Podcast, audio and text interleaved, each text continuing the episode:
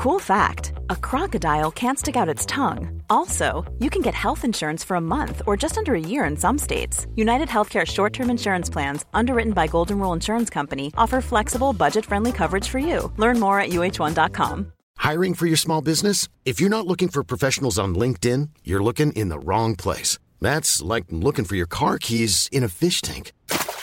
LinkedIn helps you hire professionals you can't find anywhere else, even those who aren't actively searching for a new job but might be open to the perfect role. In a given month, over 70% of LinkedIn users don't even visit other leading job sites. So start looking in the right place. With LinkedIn, you can hire professionals like a professional. Post your free job on linkedin.com slash people today. Hey, it's Ryan Reynolds, and I'm here with Keith, co-star of my upcoming film, If, only in theaters May 17th. Do you want to tell people the big news?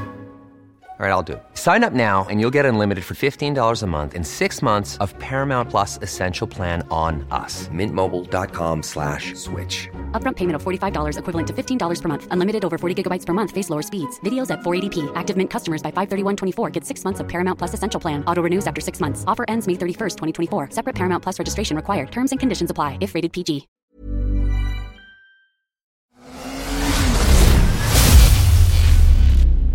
MC-podden. Du lyssnar på MC-podden. Jag heter Johan Ahlberg. Och jag heter Mikael Samuelsson.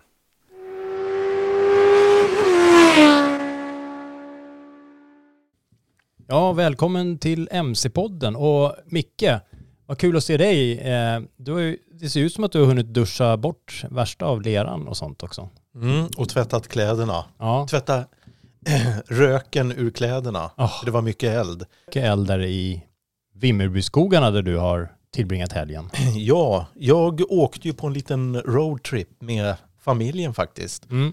Eh, ner till Vimmerby och eh, eh, du hade ju ordnat en sån fin stuga Johan. Mm. Det var i eh, Vimmerby stugby. Ja, Eh, jättefin stuga. klassisk röd med vita knutar. Eh, helt rätt. Och eh, stor, rymlig och eh, väldigt fin. Så att eh, det var tacksamt. Vi åkte ju ner och skulle kolla, kika på novemberkåsan och det var första gången för mig i alla fall. Jag har ju aldrig varit där och kikat och definitivt första gången för familjen. Mm. Men eh, nej, det var jätte, jätte trevligt.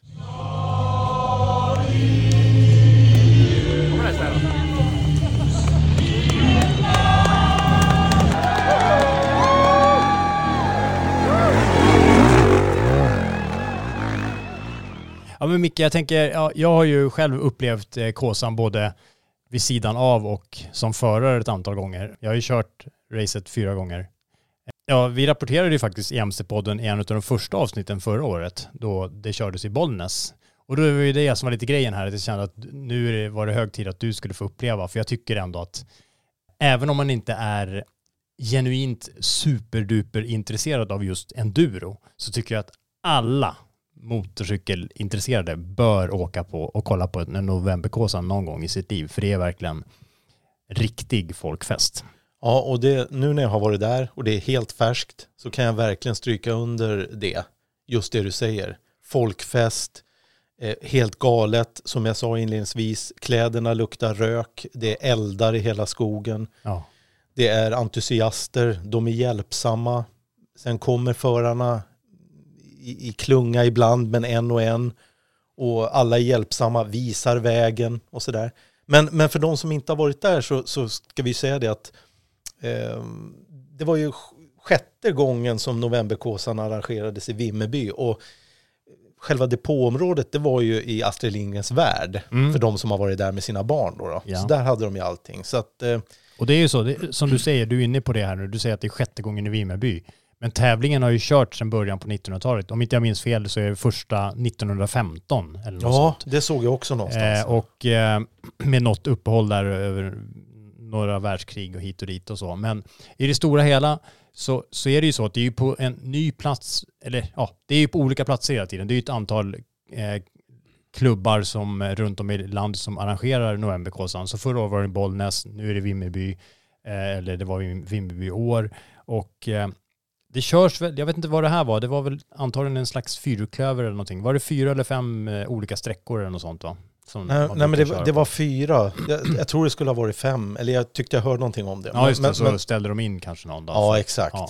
Men det märks att Vimmerby är eh, duktiga på det här och att de, Mm. det, det var liksom väl arrangerat och så. Mm. Men sen fick ju Björn Gunnarsson, vår kollega, han var ju också där. Ja, BG, Isle of Man och roadracing-kungen. Exakt, och det var ju första gången för honom också. Ja. Eh, och då var det så att han hade ju också sin eh, gamla trotjänare, en mekaniker från Isle of Man, ja, Thomas Collin. just det. Från Ha- Vimmerby ja. Ja, och han var ju vår guide. Ja, Och jag kan säga så här att vi sparade väldigt mycket på det. ja. Eh, dels tid att leta efter ställen och sådär och han hittade ju överallt. Mm. Så han guidade ju runt oss eh, och det, eh, det ska han ha cred för. Ja, Det uppskattar jag jättemycket. Så att, ja, nej, vi, vi hängde ju på så gott vi kunde och jag tänkte inledningsvis vi skulle höra lite från mig och Björn mm. från Astrid Lindgrens värld.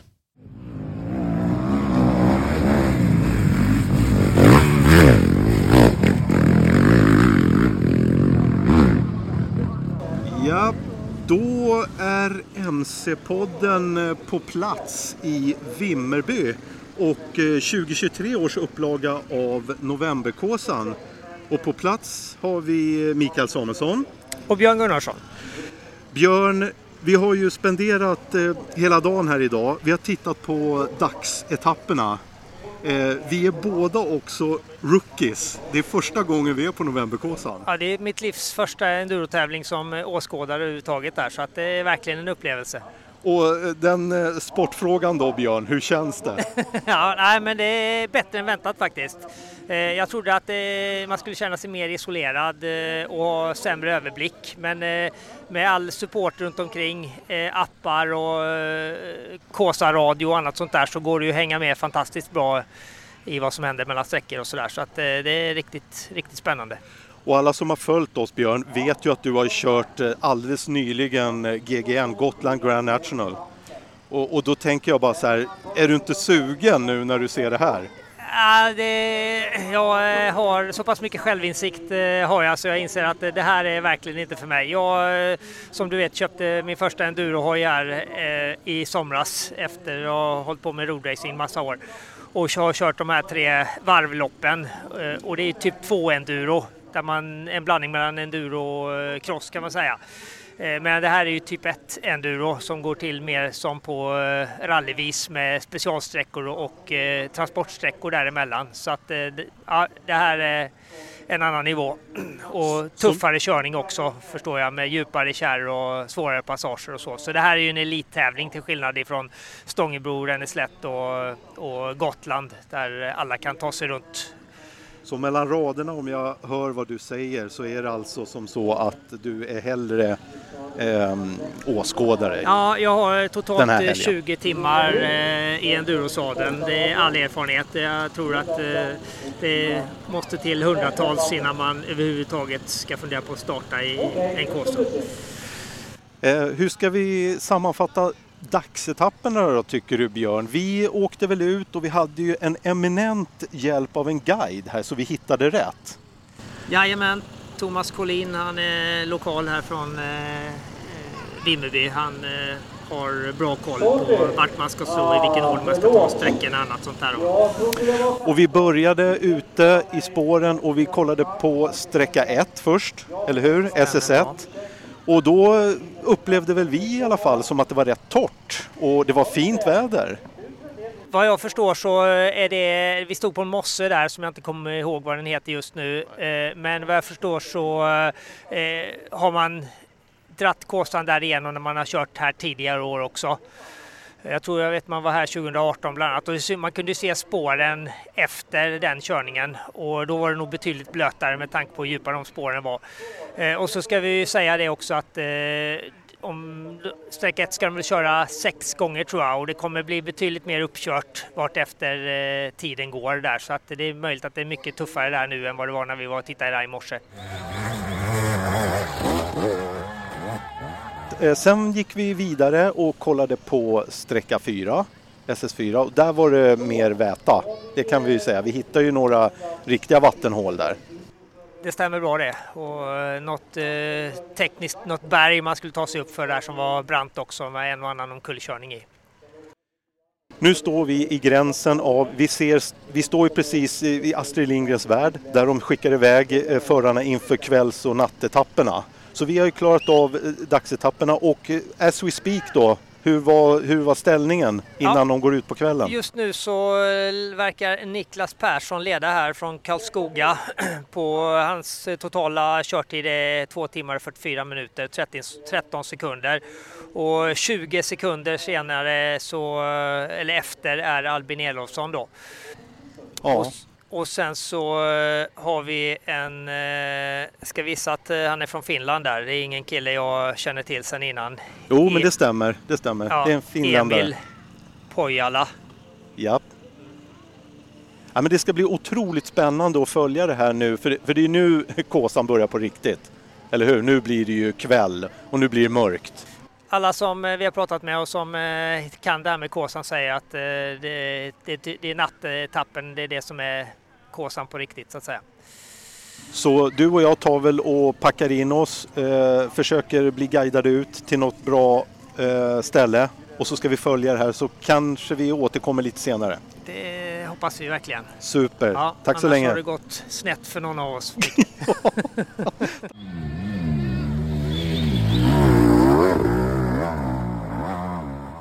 Ja, kul eh, Micke att höra att ni hade det bra där. Och jag tänker just vid Astrid Lindgrens Värld så var ju depån och bara för er som inte känner till så är det lite så här att upplägget är ju eh, i alla novemberk så kan det variera lite hur många sträckor och sånt det är. Men bara för att lite enkelt försöka få er att förstå hur det funkar så är det att man har en depå där man helt enkelt ja, tankar och gör lite mekaniska grejer. Så Och det är ju bara föraren själv som får göra det mesta.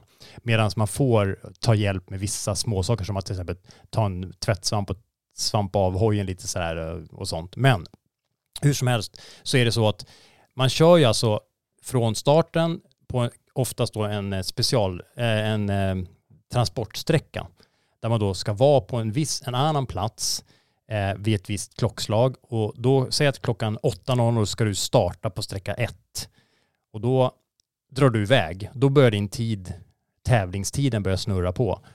Och då ska du köra den här sträcka ett säger vi, så fort du bara kan genom skogen där på alla de här stigarna. Och så när du kommer i mål på den sträckan, då, ju, ja, då får du ju en tid. Och då ska du köra på lite, kan vara på allmän väg, på asfalt och grusväg och allting, eh, till nästa sträcka som ja. kan vara på en helt annan plats.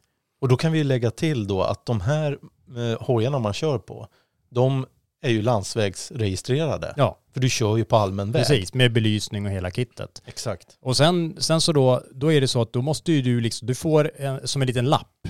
Eh, där du, en liten, vi kan säga ungefär som en kölapp på, på, när du är på affären typ så här. Mm. Så får du där du står när du kör i mål och när du ska vara för att starta på nästa sträcka.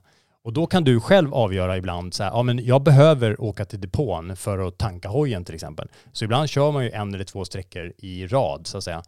Eh, man åker direkt till sträcka två, kör den och då har man ju de här ryggsäcksförarna eh, som då står, när jag kommer i mål på sträcka ett, så då står en kompis till mig eh, som också kör motorcykel men som då bara kör liksom vanliga vägar dit med kanske en förstärkningsplagg, en varm tröja eller en varm jacka, eh, kanske lite vet du, energibar eller vad du nu vill ha själv. Det är upp till dig liksom.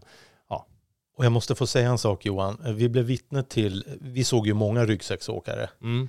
Eh, vi pratade med någon också, Björn pratade med någon han kände och sådär. Men sen blev vi vittne till eh, en kille som vars eh, vad heter det, avgassystem, kröken där, hade, hade pajat så han skulle byta det. Och då, då blir det så här, ja, men det, det, blir verkligen så här genuint när hans ryggsäcksåkare kommer med den här kröken som han ska byta då. Men säger, vi står ju precis bredvid och jag tog lite kort där. Men då säger han så här, jag får inte hjälpa dig utan du får byta själv. Så då slet han upp sin midjeväska den här killen, för han hade verktyg med sig också eh, för säkerhets skull. Så att yep. Eh, precis som du sa så fick vi se det live också. Mm. Och det, gör, det lägger ju liksom till en extra dimension. Det är ju inte Formel 1 liksom, utan det är verkligen hardcore för att uttrycka sig milt. Definitivt. Eh, ja. Och sen det roliga är ju att se att eh, publiken runt omkring är ju så fruktansvärt hjälpsam. Mm. Alla, eh, många visar vägen, bästa spårval, står och pekar och sådär. Mm. Eh, och sen så är det ju så att så fort någon kör fast då, då går man och hjälper till. Liksom. Ja. Det är många som springer ut där. Jo, det är ju många, man ser ju många som är, verkligen är så att säga kittade för att just hjälpa till.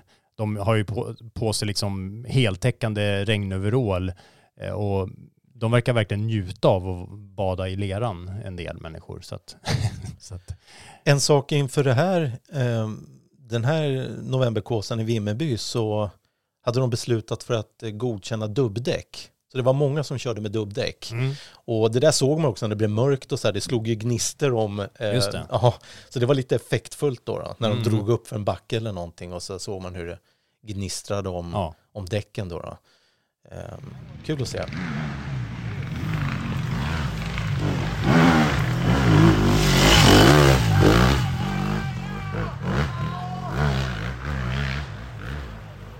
Men, men eh, Micke, jag tänker också att eh, för de som inte kanske har stenkoll då, så är det ju så att i det här fallet i år så körde man ju totalt sett s- eh, 14 specialsträckor. Ja. Och, och ehm, egentligen så var det så, ute i, i tävlings... i skogen så var det ju fyra olika sträckor då, då som vi pratade om. Att man, man har en depå, så det blir en slags, vi kan kalla det en fyrklöver. Eh, Ja, typ. Och, ja, och i det här fallet så var det på dagen så körde de ju fem sträckor. Alltså, de körde sträcka 1, 2, 3, 4 och sen ettan igen antar jag, eller någonting åt det hållet. Ja, om jag minns det hela rätt. Ja. Ja. Och, och sen då, sen börjar man ju, sen är det en liten paus och de som då har klarat den så kallade respittiden, det är ungefär som i andra sådana här långlopp och sånt så brukar man ju dra ett snöre i Vasaloppet att har du inte passerat här innan klockan tre så får du inte fortsätta. Och det är lite så det är här också. Exakt. Är du helt enkelt för långsam eller rent av eh, haft något mekaniskt strul som har gjort att du har tappat massa tid, då får du inte, då är du inte välkommen längre att köra eh, eller du är inte välkommen att köra natten. Så att första liksom, eh, grejen, första är ju att klara respiten och överleva dagen så man kommer att få vara med och köra natten. Så det är inte självklart att man får köra natten. Nej, just det. Ja. Och sen vill jag säga en sak för oss som publik. Så var det också så att eh, vi färdades ju i bil mellan de här sträckorna och de här eh, utvalda publikpunkterna då, där om det var något kärr eller någonting, där man vill stå och se det här. Mm. Så, så en utmaning för oss var ju också att eh, åka runt då, men då fick vi mycket hjälp av Thomas då för att komma till rätt ställen. Ja. Eh, så att det gäller ju att sy ihop det här på ett bra sätt som publik också för att få uppleva allt det där. Och det, det Jo, lyckades vi med. De brukar vara duktiga på att ha lite så utmärkta publikplatser och lite sånt där också. Och så. Sen var det anordnat så att vid ett ställe där, där var det ju en bondgård. Där hade de ju fixat parkeringsplatser. Mm. Ja. man ställde sig där och så fick man pröjsa för parkeringsplats då naturligtvis. Det var ju på en markägares mark. Mm. Eh, sen gällde den hela dagen och hela natten. Ja. Så att jag, man betalade en gång Ja. då. då.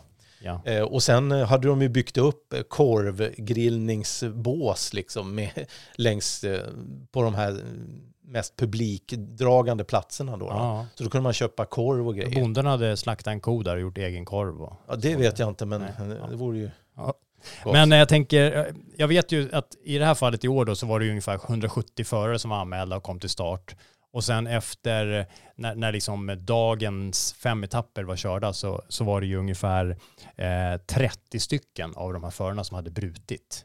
Så, så, eh, ja, så inför natten där då, då som vi pratade om så, så var det ju ungefär 140 förare kvar då, eller någonting, någonting sånt. Så att,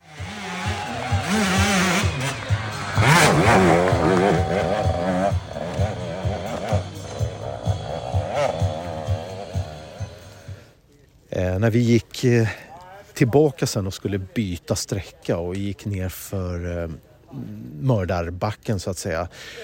Då blev vi ju vittne till också en eh, förare som eh, där kylaren pajade på hans hoj. Ja, precis. Det var nummer 164 där om jag kommer ihåg rätt. Och det var ju eh, bara 10 meter vid sidan om den här eh, grusvägen som publiken gick till och från. Så gick eh, spåret och vi märkte ju först att han fastnade i ett kärr och sprang ner för att hjälpa honom loss därifrån. Och sen kom han ju bara en 15 meter till och sen så small det till i hojen där och det verkar ju som att det var antingen kylan som sprack eller någon kylarslang. Eh, så, för det luktar glykol i hela skogen där. Och, eh, ja, han fick eh, bryta efter och felsökt lite grann där och så hjälpte vi honom av spåret och upp på vägen så han skulle kunna rulla ner till, till sträckans slut där. Och det är ju det som är så kul. Eh,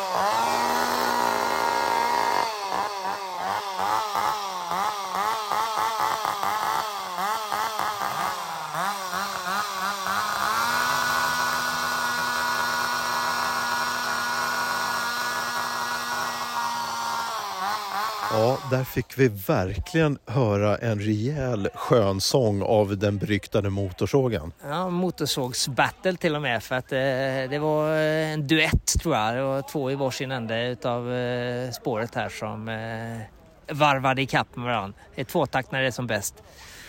Och det jag tänkte säga innan de drog igång här, det var ju det att det som är så skönt eh, Björn, det är att se alla som hjälper till också. Och då blev ju vi vittne till den här 164 så att vi hjälpte honom.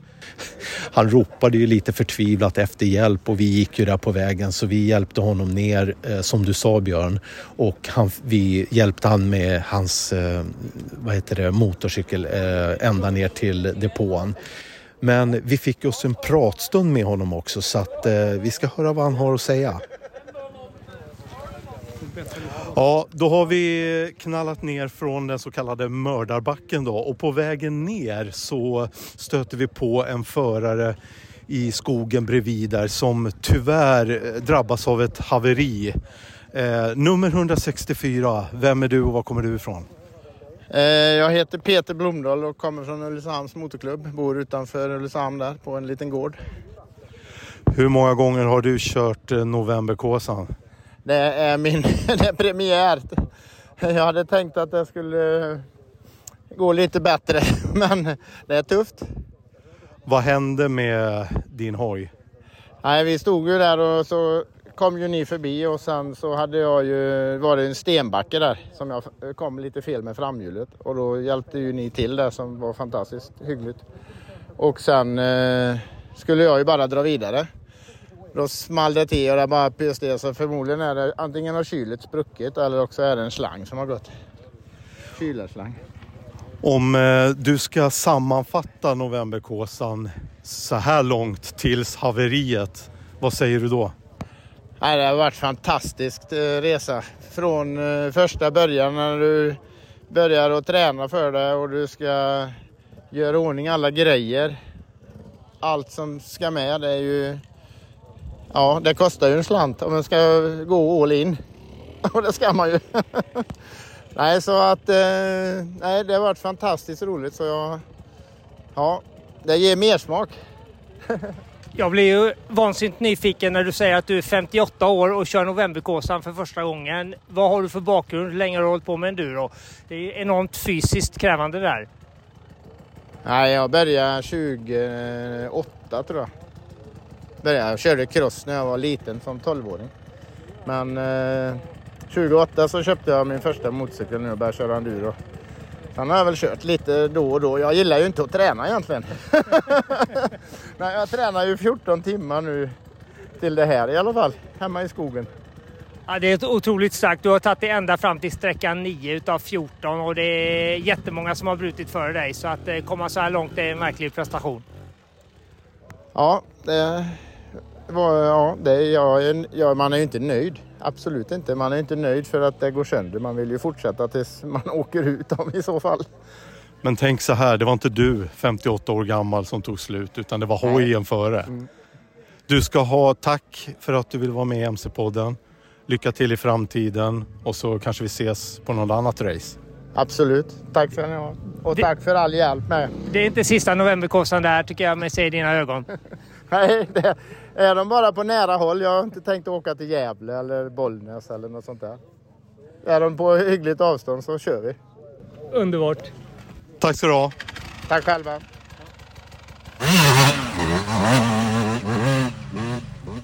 Jag nämnde ju för dig också att eh, min familj, familj var med och eh, jag har ju två söner då som fick uppleva det här för första gången. Och de är inte så glada i att åka bil långt.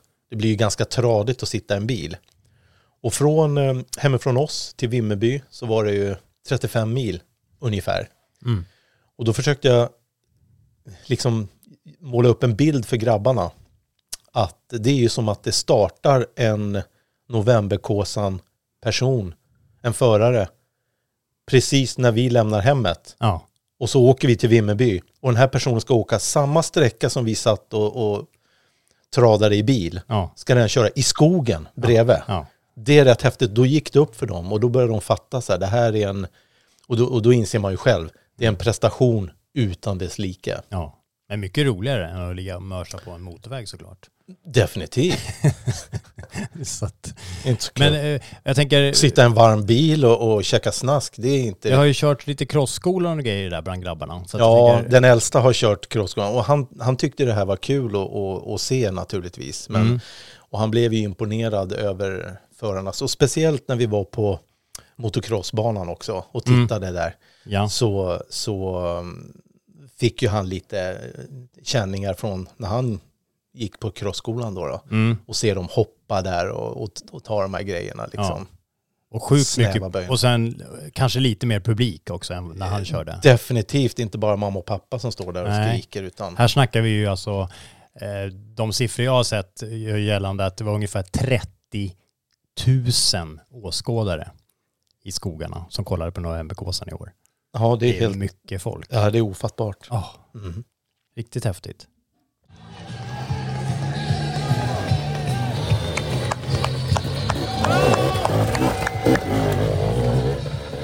Ja, då har klockan hunnit bli ett och vi har ju gått över på söndag faktiskt. Och eh, nu står vi här ute i skogen och det är sträcka 14 va Björn? Det stämmer bra. Sista sträckan är vi ute på. Det, det märks det är kallare nu. Eh, Det är rätt så eh, hårt i backen här i jämförelse med när vi var här i morse. Vid eh, åtta, eh, vid nio tiden. Precis, vi är tillbaka på samma ställe här och eh, ändå ser ju marken rätt eh, schysst ut här tycker jag. Så här. Om vi ska dra oss tillbaka lite vad vi har varit med om eh, under kvällen här så började vi med att åka till eh, Vimmerbys motocrossbana va? Ja, Gnagardalen. Ja, och det är lite intressant för där gick ju då en del av eh, sträckan. Så där hade vi rätt bra överblick. Så där körde de ju rätt många. Ja, jo, det var fint att se med belysningen så kunde man ju följa när de ganska länge ute i skogen när de kom kors och tvärs upp och ner där. De körde ju delvis på crossbanan och sen ute i skogen där runt omkring. Och nu medan vi pratar så är det en förare som passerar här. Och eh, det är ju duktigt mörkt nu också men eh, det finns eh, publik här med eldar och pannlampor som hjälper till hjälpligt. Och sen har de ju fantastisk belysning på, även på hjälmarna och på hojarna Björn. Jajamensan, och det är otroligt. Det blir som dag emellanåt när de kommer genom mellan trädstammarna här då. Och sen det här med motorsågsmassakern höll jag på att säga. Eh, de kör ju väldigt mycket motorsågar och det är väl lite grann för att sporra. Det, det är ett speciellt ljud. Det blir lite så här eh, tvåtaktskänsla på något sätt. Men eh, du har varit med om det förut Björn, eller du har sett det tidigare? Ja, det där är väl en trend som har funnits nere på kontinenten i rätt många decennier i samband med MotoGP och annat. Eh, hur som helst, det sitter ingen kedja på motorsågarna. Eh, vi har sett också några som har kittat dem. Det är en framskärm, det är ett styre etc. Och så kör de dem där i luften och svingar dem. Så att ja, det är stämningsfullt. Sen är det ju smällare, fyrverkerier ibland och eh, ja, det är fullt ös. Efter motocrossbanan så stack vi iväg eh, och kikade lite på den så kallade mördarbacken och det, var, det är ett nytt avsnitt fick jag höra här eh, som inte har funnits med tidigare. Men hur som helst, det var en rejäl backe Björn. Ja, den var eh, imponerande. Och eh, sen hade den ett par passager också eh, där man var tvungen att svänga 90 grader.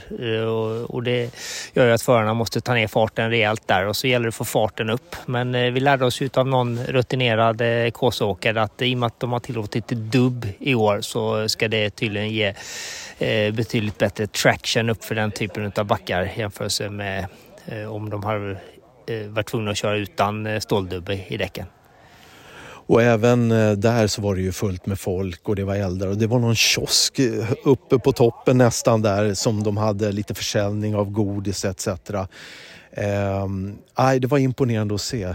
Framförallt så sa vi ju det när vi stod där att eh, det är otroligt att se att de tar sig upp utan diverse krascher. Så det var ju klart att någon fick ju stopp och det var någon som fick lite kast och sådär men på det stora hela skötte de sig bra. Ja, det är riktigt imponerande. Det märks att det är elitåkare som eh, är här.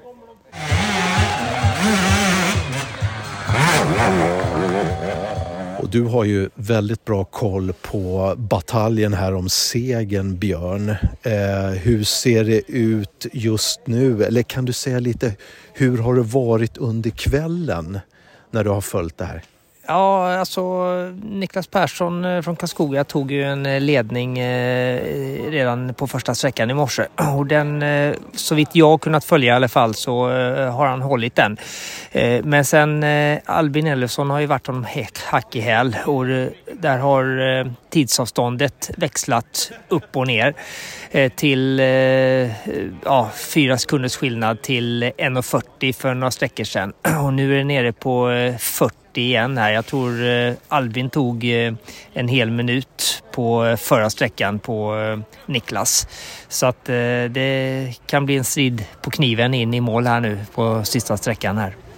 Och sen är vi ju nyfikna också på hur det går för damerna Björn. Ja, där enligt min lista så är Hanna Berzelius eh, på 59 plats bästa dam eh, och sen så har du Matilda Huss på eh, 65 plats utav de 86 som är kvar i tävlingen just nu. Eh, och tidsavståndet där kan jag inte riktigt räkna ut differensen på i huvudet här men eh, det måste vara en 20 minuter eller något sånt där så att den segern ska vara ganska kassaskåpssäker för Hanna Berzelius tänker jag.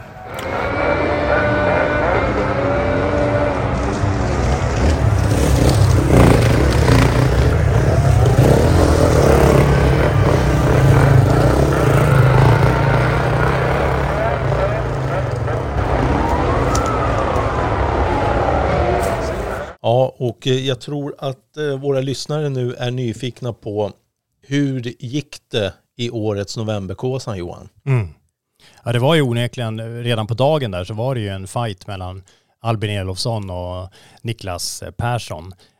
Hur som helst så efter totalt närmare åtta timmars stenhård fight mot klockan, alltså ute på specialsträckorna, borträknat liksom transportsträckor och det, så var det ju KTM-föraren från Karlskoga EK, Niklas Persson, som körde i mål som totalsegrare i den här upplagan av novemberkåsan.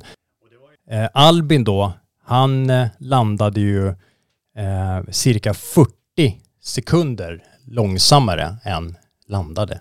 Ja, han slutade 40 sekunder långsammare än eh, Niklas i slutändan. Ja, och 40 sekunder Johan, Ja. det är ju inte... Det är eh, tack i skivan någonstans. Mm. Det räcker med att du bara fastnar i ett surhål helt enkelt så är 40 sekunder borta. Och det vet vi att det hände ju Albin när vi fick rapporter att eh, han stod still vid något tillfälle. Ja. Så att det här är ju tillfälligheter och vad man drabbas av och så ska den Ja. andra drabbas av någonting och så ska du Ja. köra sådär. Men det är otroligt jämnt. Ja, och det är ju det, är ju det som eh, gjorde hela tävlingen extra. För, för det som är coolt är ju att de två, det var ju, jag, när jag följde på distans eh, resultat eh, från specialsträckorna så kunde jag se att okej, den sträckan var Albin snabbast på. Och nästa sträcka så var, var eh, Niklas snabbare. Och, och tiden som diffade då kanske var plus minus noll i slutändan sådär stundtals. Så, så det var ju en väldig, eh, ja, så det var en väldigt osäker utgång. Men sen var ju hacket ner till tredje placerade finländaren Emil Pojala, Emil Pojala. Honda-föraren. Ja, han var ju hela 32 minuter och nästan 33 minuter efter Elofsson i mål. Så där ser man ju hur pass mycket eh, överlägsna man ska kalla det. Och det här var ju första gången som Niklas vann Novemberkåsan. Han har ju kommit tvåa flera gånger och sådär så att det var ju riktigt cool och jag vet att han var fantastiskt glad. Och eh, Kul för honom. så jag tycker vi, vi, vi, vi får höra honom här, vad han har att säga. Ja, Niklas. Hej Niklas! Det här var Johan Arberg på fastbikes.se och MC-podden. Tjena, tjena. Först och främst, stort grattis till, eh, till segern i novemberkåsan. Stort, stort tack. Det var sjukt gött. Äntligen, säg. Ja. Ja, det summerar, det, det ordet summerar ganska bra, ja. Ja. Fan. Ja. Jo, jag, jag, jag var tyvärr inte på plats i år. Jag var i Bollnäs förra året. Jag kunde tyvärr inte vara med i år. Så att, eh, men men eh, eh hade önskat. Det var bokat så, men så blev det inte. Eh, men eh, om jag säger så här då. Vad, vad, hur skulle du vilja summera liksom Kåsan i år? Vad var kanske jobbigast? Vad var roligast? Vad var, förutom segern då såklart, men vad var liksom, vad var största utmaningen i årets Kåsa tycker du? Eh, om vi säger så här, jobbiga, det tror jag var sträcka tre. Det var träningsbanan. Mm. 30 minuter sten eller stalp, eller stalp och sten i en bra kombo som man hade fullt upp. Bra kombo. Tungan rätt i mun för att klara av den. Så den var, den var jobbig. Det var den. Kanske, kanske det svåraste kärret var nog på trean med. Typ något slutet. Där var det, där var det mjukt redan innan så man visste ju att den kommer ju att se ut som krig sen. Eh, Den coolast var nog kanske tvåan, kärr på tvåan i början. Där var det ju alltså det måste ha varit 5000 pers på samma ställe där. Det var sjukt var det. Som en jävla festival i skog. ja, underbart. Ja, det var coolt. Ja. Det bara löser upp och spelar musik och motorsågar och fyrverkerier. Och Ja. Det, var, det var brutalt. Hur, hur mycket av det, jag tänker på, jag menar du är ju ändå ute och, och mer eller mindre maxar, kanske inte hela tiden, men eh, jag menar man måste ju fördela ut kraften också. Men hur mycket av det uppfattar du som förare när du kör fram där? Inte massor, men när, när jag skulle starta tvåan sista gången. eh, Då startade ju Albin typ kanske två minuter innan mig. eller något sånt där. Eh, Och när han startade så typ började de skjuta fyrverkerier. Och då var inte hans det han i kärret än, man säger. Och när jag startade så bara matade vi med fyrverkerier och så åkte man typ man baserade kanten på det fast inte körde i det direkt efter start och sen efter tre minuter kanske körde in i det. Ja, Och det, man typ hörde hela vägen hur det bara spelade och bortsågar. ja, Sista gången skulle, så stod Jocke Ljunggren och skulle tala om vart jag skulle köra, men jag hörde inte ett skit vad han sa. Så det var typ bara på teckenspråk istället, till vänster och runt och dit. Men ja, det var svårt. Det var sånt jäkla drag så man, man hörde inte någonting av vad han sa. ja. Jag vet det där motorsågsstuket kan ju också bli en sån här luring ibland. Man, man, Ja, man liksom- det är svårt där. Ja. Det är det. Har jag full Det gas eller är inte? omöjligt att höra något annat. Ja. Helt klart. Ja. Men, men eh, vad tycker du då i det stora hela? Nu gick ju det här vägen och jag kanske minns fel nu, men jag tror du eh, startade väl kanske, var det en minut efter Albin på sista sträckan va? Var det så? Ja, stämmer. Ja. Och Jag satte hur, ihop på näst sista, men då, då strulade jag lite. Jag var rätt...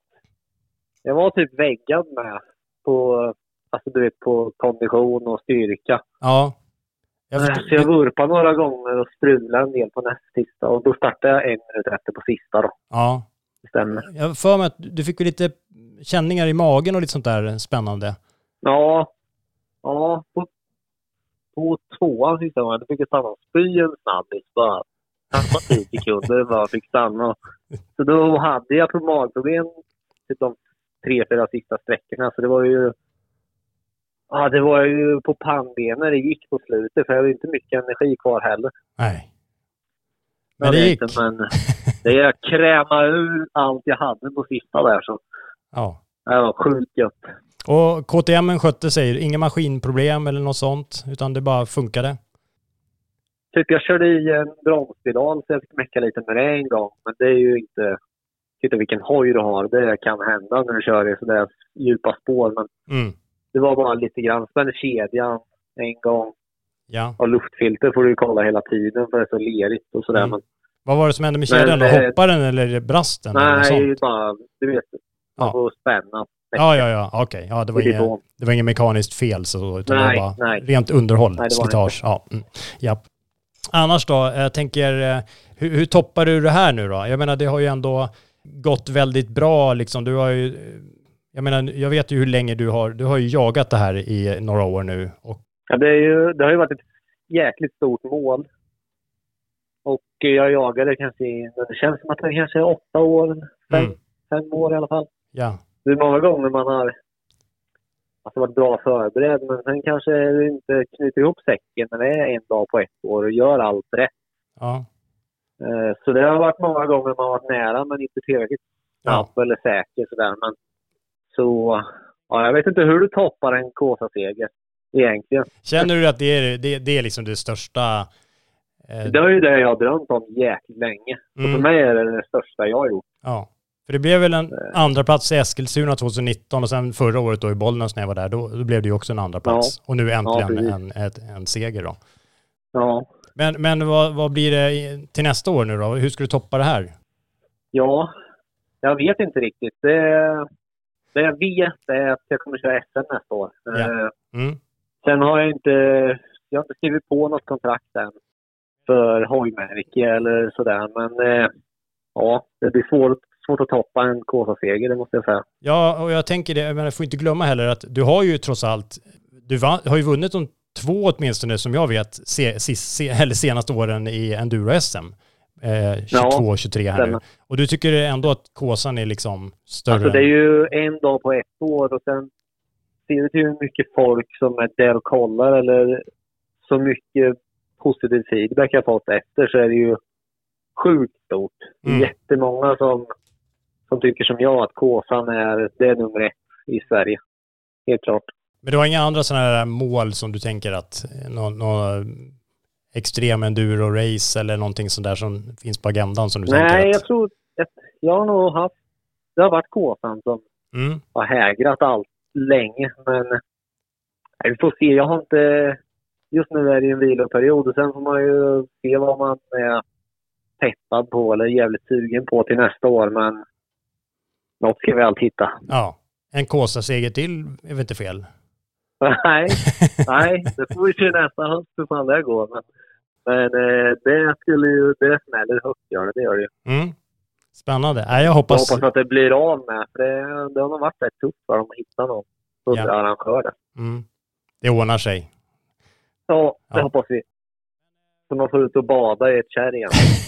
ja. Ihop med alla andra badandes i publiken. Så det är fantastiskt. Ja. Ja.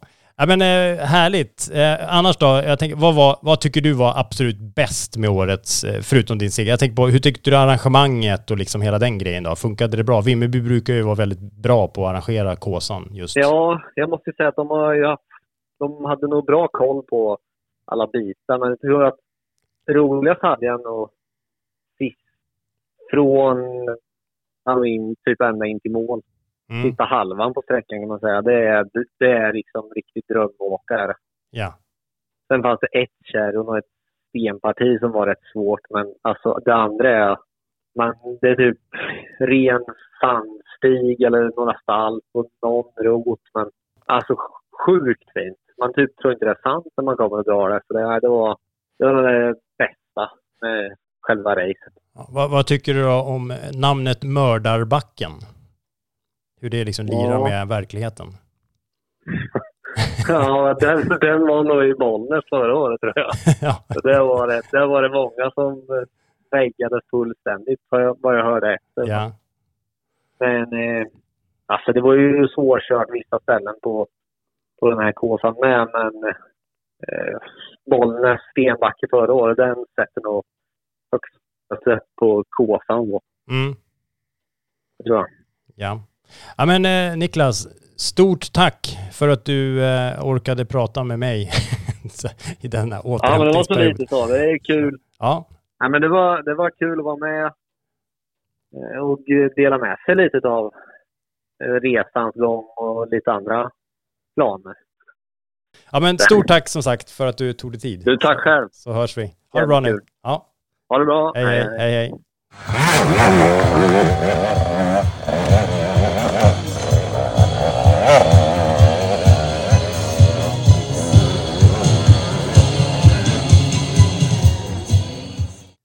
Ja, och i skogen där så undrade ju jag och Björn också hur det gick för de tappra damerna ute Mm. i spåret. Vem vann till slut? Blev det vad vi trodde? För vissa var det säkert inte helt oväntat, men det blev Hanna Berzelius, Husqvarna-föraren från Linköping, som eh, tog hem segern.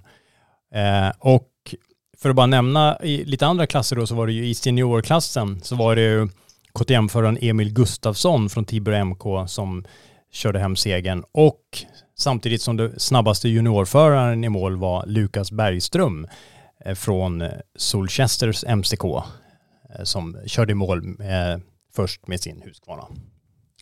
Grattis till dem och grattis till alla som fullföljde. Ja, Men även 68 förare var det som Ja. slutade så inom respit. Men, men, men även grattis till de som bara tog sig en bit. Alltså. Ja. Det är grymt imponerande att se. Hej, det var Hanna.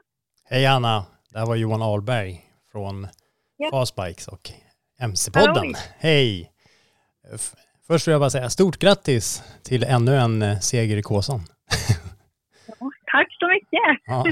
Du har ju haft några riktigt fantastiska år bakom dig här nu eh, och även i år. Men jag tänker, vi pratar åtta SM-guld på raken ända tills i år då du slutade på tredje plats. Och du har, vi har, eh, ja, som 2019 vet jag var ju ett fantastiskt år för dig där du både vann EM och SM och det var Gotland och det var Kåsan som du även vann 2018. Och, och nu var det dags igen då, då för en seger. Alltså, är det den yttersta belöningen för ett bra år när man får vinna Kåsan? Eller är det bara ännu en tävling i mängden så att säga? Hur ser du på det? Ja, jag håller nog med dig där. Det är liksom en väldigt bra belöning. Det är ett väldigt bra avslut på, på en lång säsong verkligen. Kåsan är ju något eh, alldeles speciellt eh, och något som det liknar ju ingenting annat. Eh, just längden på tävlingen och att det är så tufft och sådär. Så det är, nej, det är, det är verkligen en härlig avslutning. Eh, och man, man klarade av något sånt. Vad, vad, vad skulle du säga var det absolut liksom tuffaste i årets upplaga i Vimmerbyskogarna? Jag skulle nog säga att det var ganska mycket mentalt för min del. Eh, jag slog i handen ganska ordentligt på slutet av dagsetappen. Så i princip hela, hela nattetappen så hade jag väldigt ont i handen eh, och liksom all, alla slag och allting liksom, ja, det gjorde jäkligt ont. Så det var, det var väldigt tufft där att liksom bita ifrån och verkligen fortsätta kämpa på. Eh, så det är något jag är jäkligt stolt över, att jag bet ihop så pass bra och tog mig hela vägen in i mål. Eh, för själva banan var absolut tuff, eh, men det var nog inte bland, det är nog inte den tuffaste kåsan jag har kört så, utan det var ganska mycket alltså finåkt så emell, emellan kärren. Då var det ganska lättåkt liksom. Eh, och i kärren då, då var det ju så otroligt mycket publik som, som hjälpte till direkt om, när, om man råkade fastna. Så det, det var helt underbart. Ty, vad tycker du om Mördarbacken då? Gjorde den skäl för namnet? Ja, ja, ja, jag vill ju inte klanka ner på den som döpte den, men det var nog inte en mördarbacke direkt. Nej. Ja. det var Men jag hoppas att handen, den, den börjar återhämta sig. Eller det, det, var ingen, eh, det var ingen så pass allvarlig skada som sagt, eh, onekligen så du inte kunde köra vidare i alla fall. Men det var någon mjukskada eller någonting kan vi kalla det. Eller var det någonting som... Ja, jag tror att jag kan ha fått någon spricka eller så i, i det liksom på utsidan av handen, i knogen och lill och ner i handleden så. Eh, så det känns, alltså jag, det har ju blivit bättre nu när jag har vilat nu efter. Lite bättre rörlighet, väldigt svullet fortfarande. Så jag har inte kollat upp det än, men i och med att det blir bättre varje dag så tror jag det är nog ingen, ingen större fara. Men jag tänker på så här, hur, hur, liksom, hur toppar man, hur, och sen inte minst hur motiverar man sig att liksom fortsätta och bara fightas år efter år efter år när man vinner så mycket tävlingar som du gör liksom.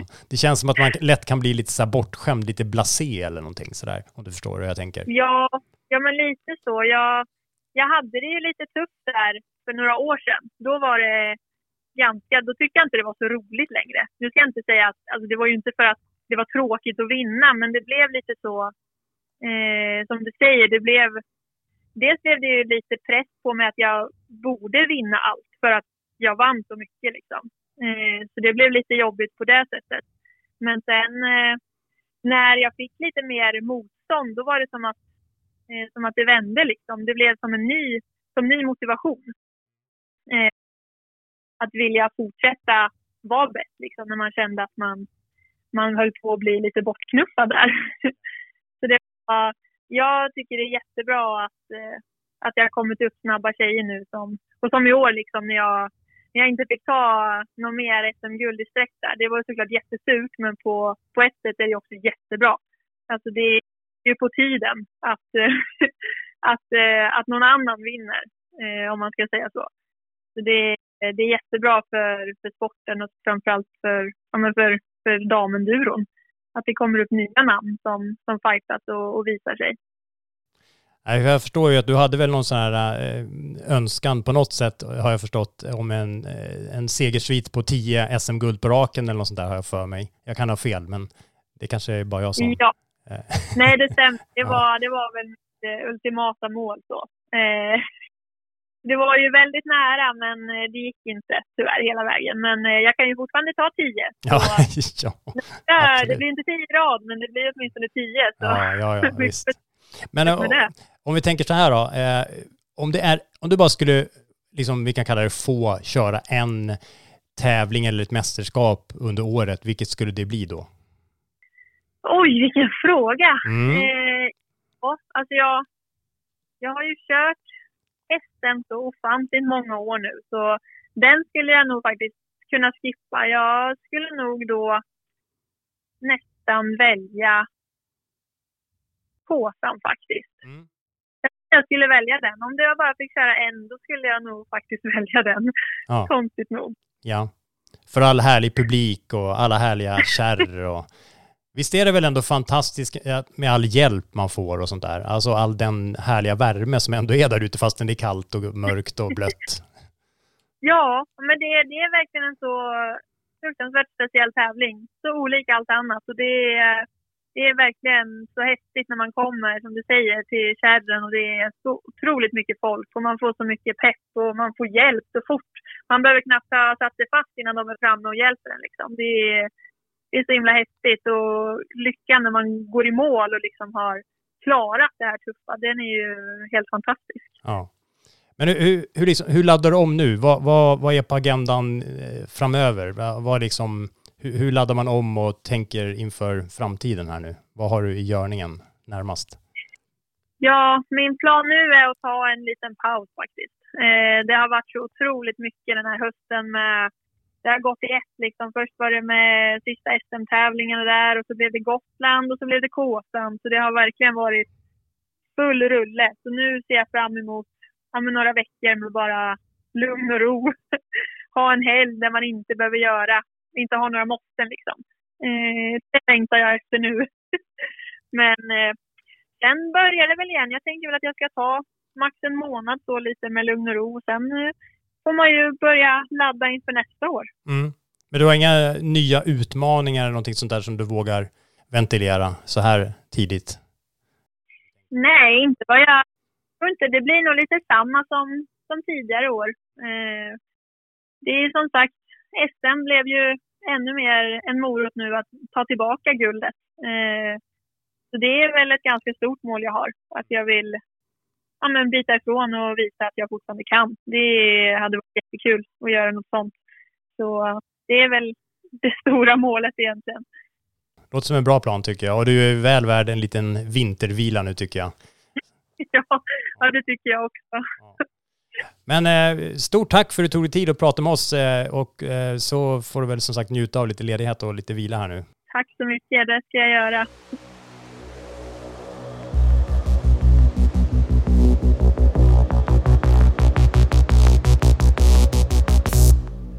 Ja, det är Dumlekola i det här avsnittet istället för glass, Micke. Mm. Men jag tog en glass på väg ner till Vimmerby. Mm. En mjukglass. Nu kommer det fram. På McDonalds. Mm. Men jag vill också säga att det finns andra hamburgerrestaurangskedjor. Ja. ja. eh, Johan, så ja. här är det. N mm. När man ser de där uh, dra fram i spåret eh, på novemberkåsan, då tänker man ju så här också att det, det är ju kallt, mm men det blir ju inte speciellt kallt när de eh, får den här fysiska eh, utmaningen liksom. Det, det blir inte kallt på det sättet. Men jag såg att många hade liksom muffar på styret och sådär. Och då kommer jag att tänka på någonting som vi kanske kunde prata lite om. Och det är ju det liksom, hur är det att köra MC på vintern? Mm. Ja, det har jag ju varit inne på några gånger, för både du och jag har ju smakat på det en del under årens lopp. Um, och uh, jag tycker väl att om man har möjlighet så tycker jag faktiskt att man ska någon gång, eller kanske fler gånger, vad vet jag, gärna köra, prova på att köra hoj på vintern, för det är ju fasligt roligt. Och, um, det, det, det absolut häftigaste jag har varit med om, eller bland det häftigaste, jag har varit med om mycket häftigt, men det är att köra hoj när det är sånt där riktigt snöfall. Mm.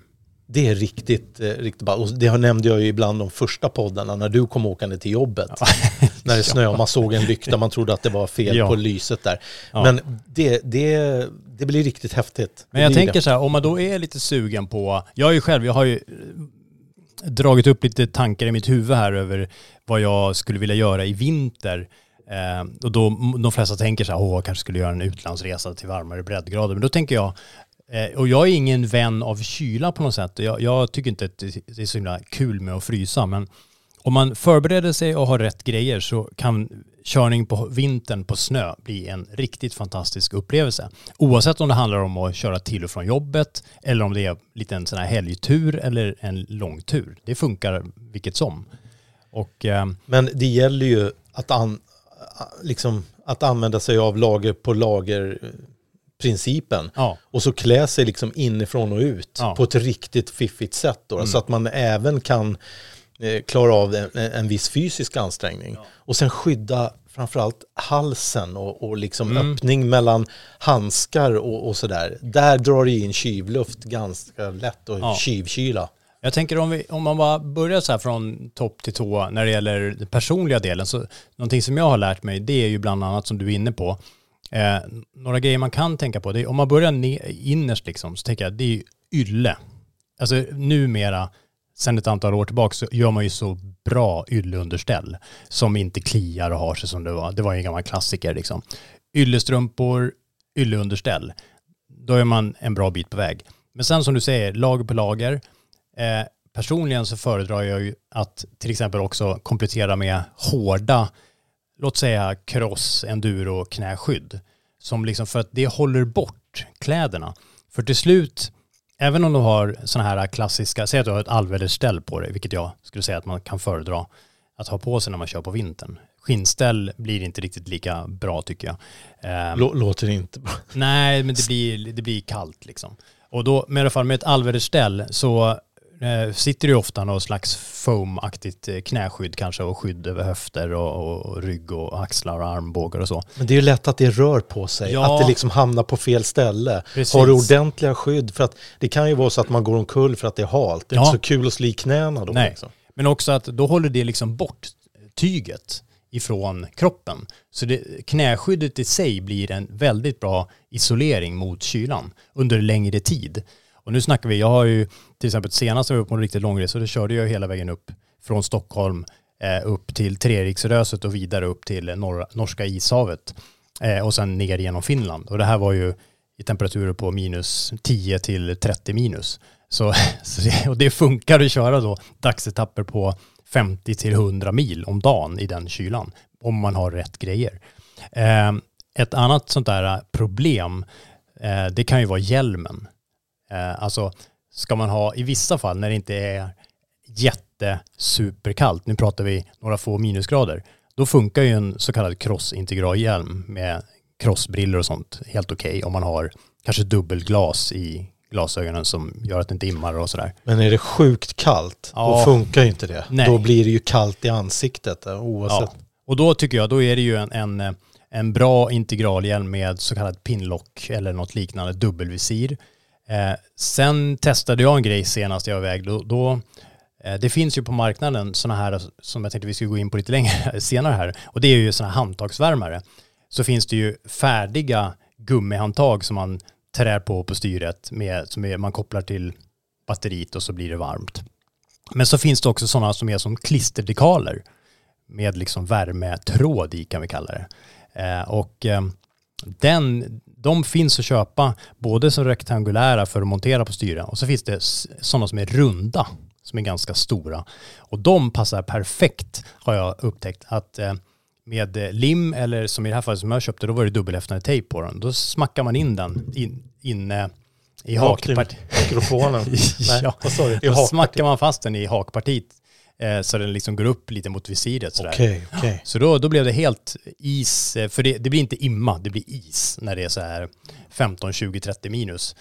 Eh, och, eh, och samma sak som jag var inne på med, med knäna, hand, handskar eh, är ju också bra att man har en, jag brukar köra med att man har tunna handskar i ylle eller flis eller något liknande som man har i sina andra tjocka handskar. Mm. Men det nämnde du också ja. för några, och det, det, är, det är smart. Så har man ett antal sådana tunna handskar med sig på en riktigt lång resa, du kan ha med dig tre, fyra, fem par. Så har man dem i innerfickan eller på något varmt ställe.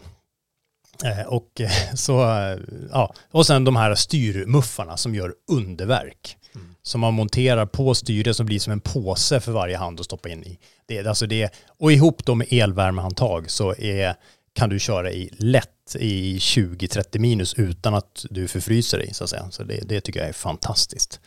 Superbra. Ja.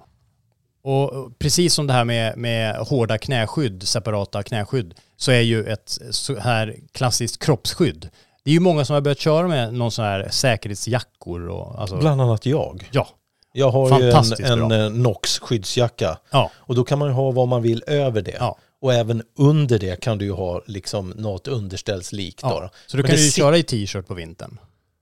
Ja, och jag kan faktiskt bara ha, ja, man kan, det blir lite kallt kanske? Nej, nej, men det går.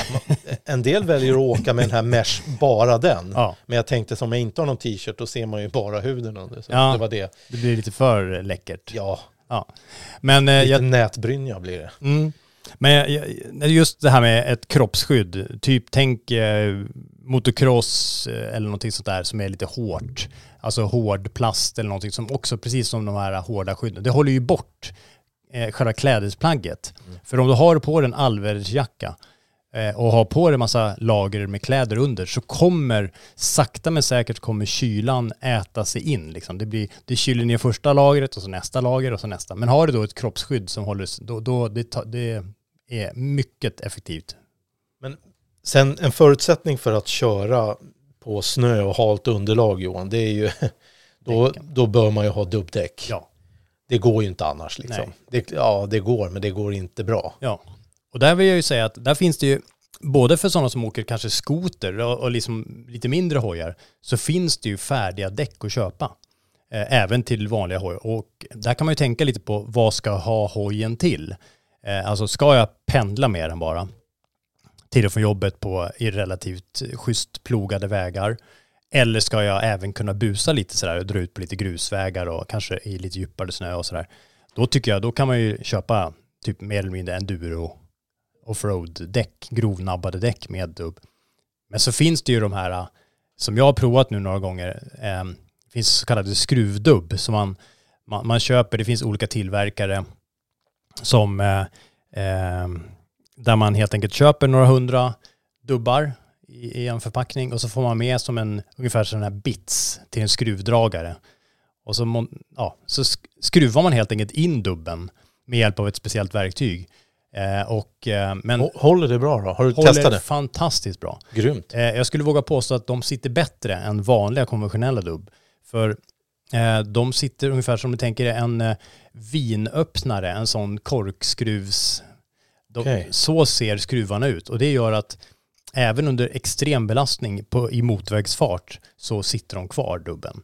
Och eh, de, men det blir ju elakt man, om man nu kör med framförallt tyngre offroad-hojar eh, på långa sträckor på torr asfalt. Det blir ju så ibland att man kanske kommer på transportsträckor, man ska kalla det, där, och då, då, men förvånansvärt bra. Det finns jättemånga olika varianter, alltså med olika utstick och sånt. Så lite, där kan man ju, ja, helt enkelt.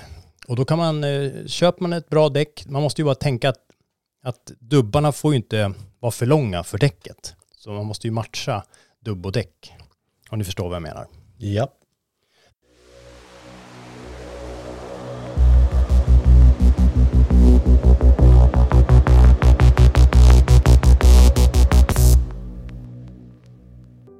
Att köra på vintern kan ju givetvis bli lite kyligt.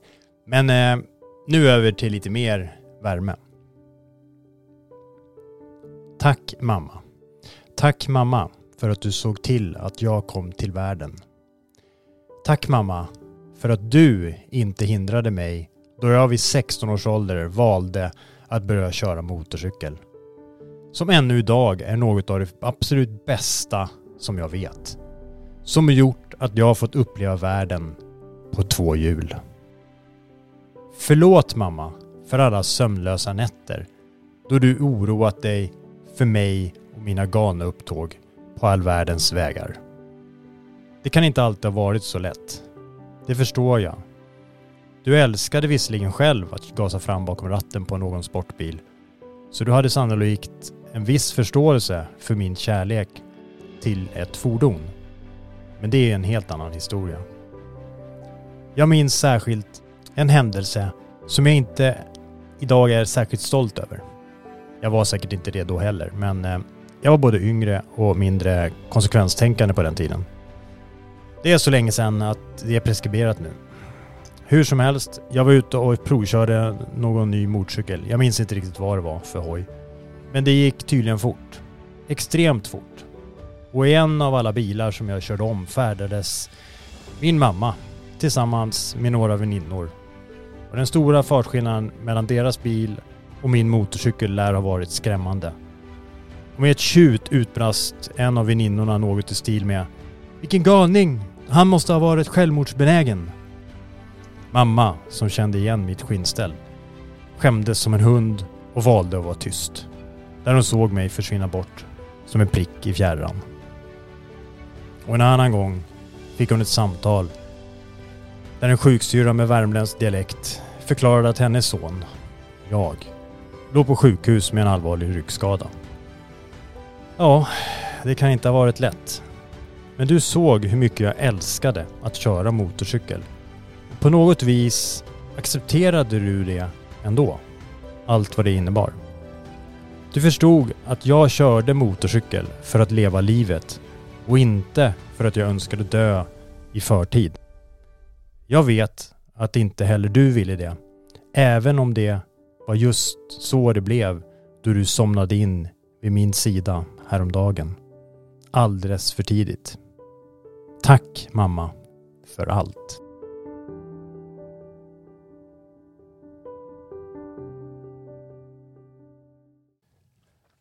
Ja. Eh, goda Dumle Johan, tack Mm. för dem. Ja. Men eh, det känns som att det är lite dags att avsluta. Ja. Och innan vi gör det så skulle jag bara vilja jag skulle vilja tacka Anton på Vimmerby stugby. Jag fick ett, eh, en liten pratstund med honom. Han är ju också MC-intresserad. Mm. Och det roliga var att Anton funderar på, har tidigare funderat på att dra igång någonting i stugbyn. För de har som en liten pub där och där. Han skickade bilder till mig. Ja. Så de har som en allmän, Som gjort för att ha någon MC-hojåkar-gathering helt enkelt. precis. Ja. Så att eh, jag hoppas att eh, vi kan få till något sånt. Ja. Så, Så nästa gång kanske vi sitter där och grillar korv och har det nice helt enkelt. Mm. Utan att det är novemberkåsan. Och han har ju sån här, ja precis. Och Han Ja. hade bastu och badtunna och allting. Så att det Ja. hela kittet. Perfekt. Vinterkörning till Vimmerby stugby låter det ju som. Mm. Men även en sommartripp. Det går ju vad som. Ja, perfekt. Jaha, Men, ehm, då är det väl dags att tacka för oss helt enkelt. Och Ja. ehm, glöm inte kommentera som ni gör till viss del. Det är jättekul när ni skriver till oss Ja. på Instagram, Facebook. Eller mejlar om ni vill vara mera anonyma så att säga, eller privata Mm. om det skulle vara något speciellt. Och jag skulle vilja säga en grej till alla er som kommer med tips och sånt. Ibland är det ju så att jag, vi kanske tackar och säger ja men det här var ju, ett- vad vet jag, en bra grej. Men det kanske inte blir i nästa podd, utan det kanske kommer lite längre fram. Så Vi, håll lägger, ut. vi lägger idéerna på hög. Vi Liksom, har en så- lång eh, att göra eh, roliga idéer-lista. Så att eh, vi kommer dit så småningom säkert. Mm. Men för nu tackar vi för det här avsnittet och eh, ha det så bra där ute. Kör snyggt. Hej! Hej!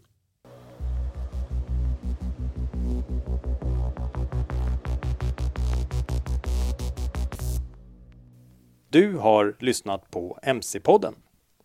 Jag heter Johan Ahlberg. Och jag heter Mikael Samuelsson.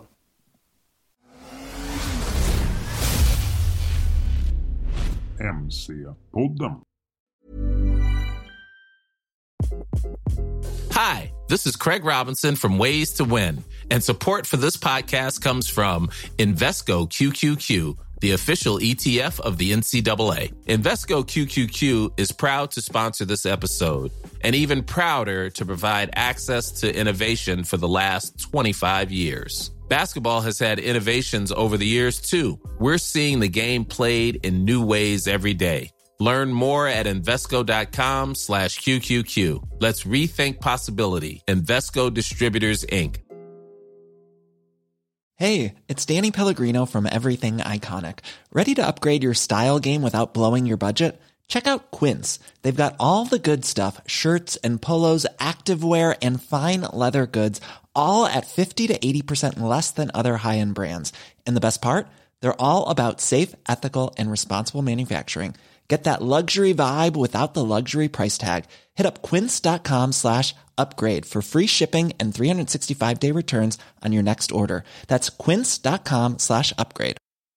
Mom deserves the best, and there's no better place to shop for Mother's Day than Whole Foods Market. They're your destination for unbeatable savings, from premium gifts to show-stopping flowers and irresistible desserts. Start by saving 33% with Prime on all body care and candles. Then get a 15-stem bunch of tulips for just $9.99 each with Prime. Round out Mom's menu with festive rosé, irresistible berry chantilly cake, and more special treats. Come celebrate Mother's Day at Whole Foods Market.